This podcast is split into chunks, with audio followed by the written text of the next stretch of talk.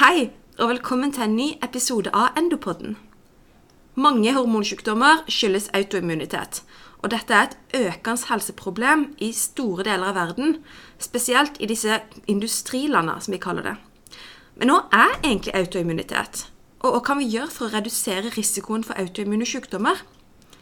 Jeg heter Åse Bjorvatn Sævik, og til å hjelpe meg med å svare har vi sikra oss forsker Sigrid Aslaksen som gjest. Hjertelig velkommen. Tusen takk for det. Du har bakgrunn innen bioteknologi og molekylærbiologi, og tok doktorgrad på en autoimmun hormonsykdom, nemlig autoimmun Edison, som vi forresten har hatt en egen episode om nylig. Men det er veldig kjekt å ha deg med her, Sigrid. Ja, tusen takk for at jeg fikk komme. Det er veldig hyggelig å kunne få lov til å lage en podkast her i Endopoden. Bare la oss kjøre på. Og er egentlig autoimmunitet? Vi kan jo kanskje først starte med hva immunforsvaret er, og hva det er bygd opp av. Flott. Eh, og immunforsvaret de består av immun spesialiserte immunceller, slik som T- og B-celler. Og de har i oppgave å uskadeliggjøre bakterier, sopp, virus og parasitter. Men ved autoimmunitet så klarer ikke kroppens immunforsvar å diskriminere mellom patogener og kroppens egne celler. Og deretter begynner de å angripe kroppens vev og organer. Et selvangrep blir det da. Dette kan skyldes både arv og miljø.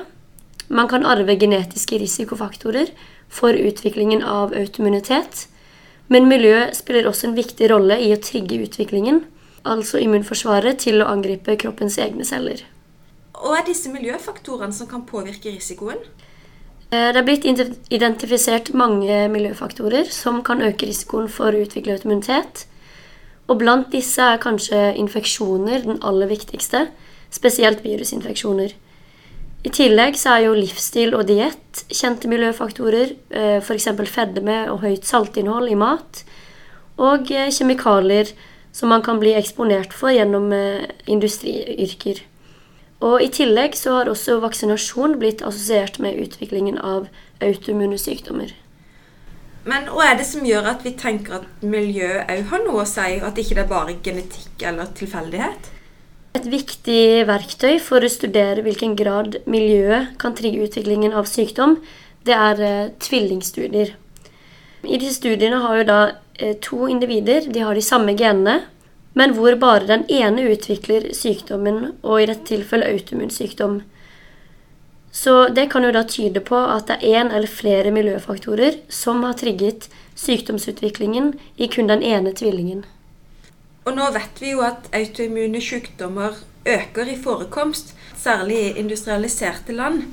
Og da er det jo logisk å tenke at en endring i livsstil spiller inn. Men er det andre ting enn økt vekt og mer usunn mat som har endra seg? Ja, det stemmer jo det. Eh, forekomsten av autoimmune sykdommer har økt tydelig de siste årene. Samtidig som vår diett og livsstil har endret seg. I tillegg så reiser vi jo mer enn før, og blir da kanskje eksponert for nye typer virus, parasitter og bakterier som vi ikke vet senvirkningen av, som kan trigge utviklingen av autoimmun sykdom senere. Så det er altså infeksjoner som kan være med å trigge autoimmunitet. Kan du kort forklare oss er mekanismene bak det? Ja, det er eh, forskjellige mekanismer. Eh, hvordan eh, infeksjoner kan trigge autoimmunitet. For det første så har vi noe som kalles molekylær etterligning. Det vil si at det er en likhet mellom partikler, epitoper, fra f.eks. viruset, som ligner på kroppens egne epitoper, og at det dermed kan skje en kryssreaktivitet, der immunforsvaret angriper både mikroben og egne celler. En annen mekanisme handler om epitopspredning. Man har en langvarig infeksjon som fører til nekrose av eget vev og dermed frigjørelse av cellepitoper, som deretter kan tas opp av antigenpresenterende celler, og som videre kan aktivere andre immunceller til å reagere på disse cellepitopene.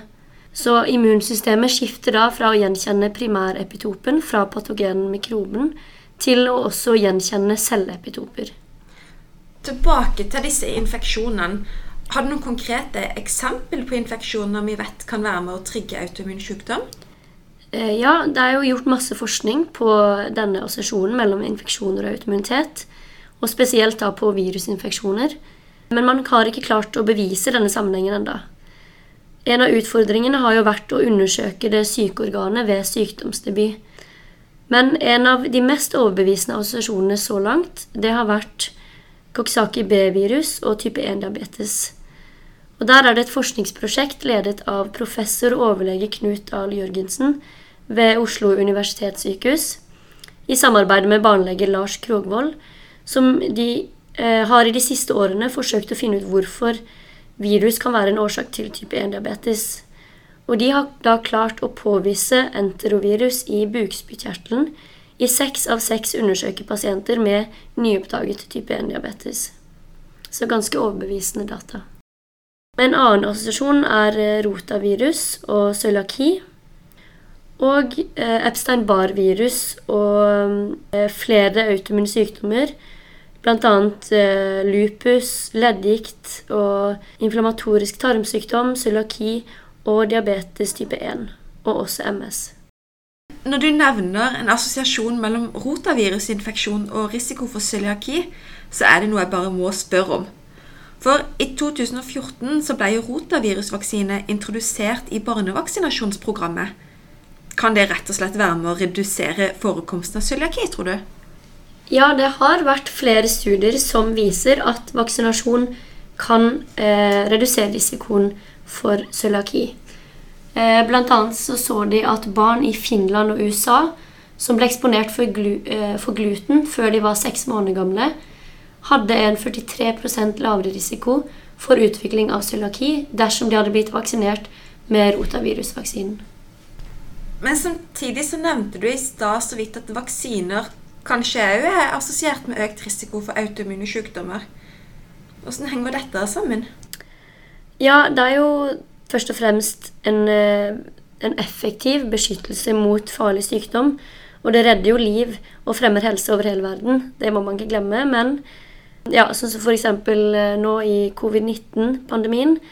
Hele verden er i lockdown og kan ikke åpne igjen, åpne igjen før nesten alle er vaksinerte. Så vaksine er jo ekstremt viktig. Men i 2009 så var det jo mange land som anbefalte å ta vaksine mot svineinfluensa. Og i de påfølgende månedene så var det faktisk et økt antall unge som utviklet narkolepsi. Og man mistenkte da at vaksinen spilte en rolle.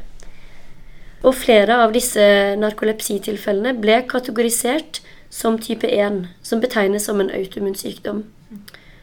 Men i andre land, der hvor det var færre som vaksinerte seg, men også økt forekomst av narkolepsi, så mistenkte man da at det var selve Eh, selve viruset, altså influensaviruset, som var årsaken.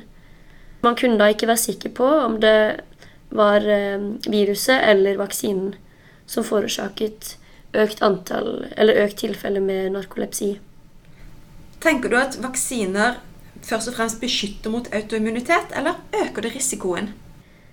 Mest sannsynlig så er det jo mer beskyttelse enn risiko.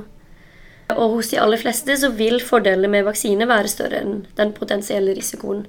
Men likevel så må man være obs hos personer med kjent økt risiko for særlig alvorlig autoimmun sykdom. Eh, vurdere, og da vurdere nytte og risiko opp mot hverandre. Og som alltid i medisinen så skal det jo være god grunn for å gjøre noe. Man må ha en indikasjon. Men du nevnte jo dette med kjemikalier og giftstoff i stad. Hva vet vi her? Her har tidligere forskning vist at eh, spesielt kjemikalier fra industriyrker som olje, maling og som driver med plastikk og lær, kan øke risikoen for autoimmun sykdom. Men det er mye her som er fremdeles uvisst. Så man trenger mer for forskning på det. Og så må vi bruke litt mer tid på dette med kosthold og livsstil. Helt konkret, hva kan jeg gjøre for å redusere risikoen for autoimmun sykdom?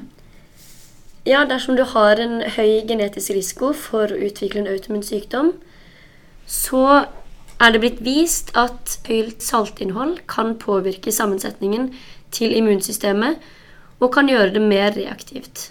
I tillegg så vil høyt inntak av fastfood eller annen fettholdig mat kunne føre til eh, endret eh, mikrobiota som deretter kan påvirke immunsammensetningen.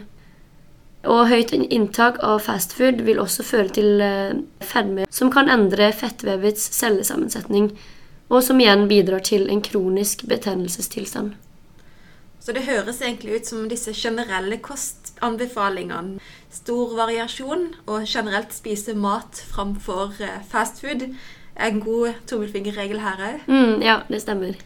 Men før vi avslutter, Sigrid, kan du hjelpe oss med en kort oppsummering av hvilke miljøfaktorer som kan påvirke risikoen for autoimmune sykdommer? Ja, da har vi jo infeksjoner først, som er en av de viktigste. Spesielt da virusinfeksjoner. Vaksinasjon kan trigge, så man må da se på fordeler og ulemper ved vaksineringen. Og kjemikalier fra ulike industriyrker, i tillegg til høyt saltinnhold i mat og overvekt. Tusen takk, Sigrid. Dette var veldig spennende og nyttig informasjon. Og dessverre alt vi hadde for i dag. Men følg gjerne Enderpodden på Facebook for siste nytt, så høres vi igjen seinere.